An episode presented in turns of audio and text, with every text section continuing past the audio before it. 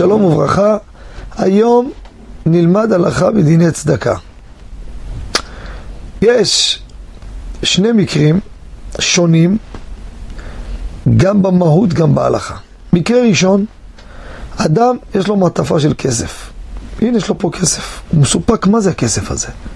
זה כספי צדקה, מעשר כספים שהוא הפריש, או כספו הפרטי. זה ספק ראשון. ספק נוסף, מישהו בא נתן לו מעטפה. מצא מתחת הדלת מעטפה, הוא לא יודע מה זה. האם זה כסף שהוא קיבל במתנה, הוא ממילא חייב לעשר מזה, אם הוא רגיל, נוהג לעשר, אז הוא יעשר מזה צדקה. או שזה כסף שמישהו היה חייב לו, ורק יחזיר לו את זה. הוא לא יודע. אולי מישהו גנב ממנו ויחזיר לו, הוא לא יודע. הלכה למעשה. מקרה הראשון, יש פה ספק בכסף עצמו אם זה כספי צדקה או לא, ספק מן התורה לחומרה, צריך לנהוג בזה כצדקה. כי אתה לא יודע, אולי זה צדקה. עכשיו במעטפה שלך הרבה כספי צדקה. ספק זה לצדקה. אבל המקרה הראשון, זה לא אם זה צדקה או לא.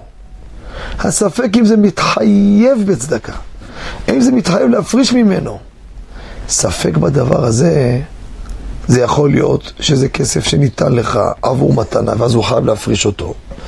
או ספק אם זה מישהו היה חייב לך ויחזיר לך, גנב אותך ויחזיר לך בלי שתראה אותו.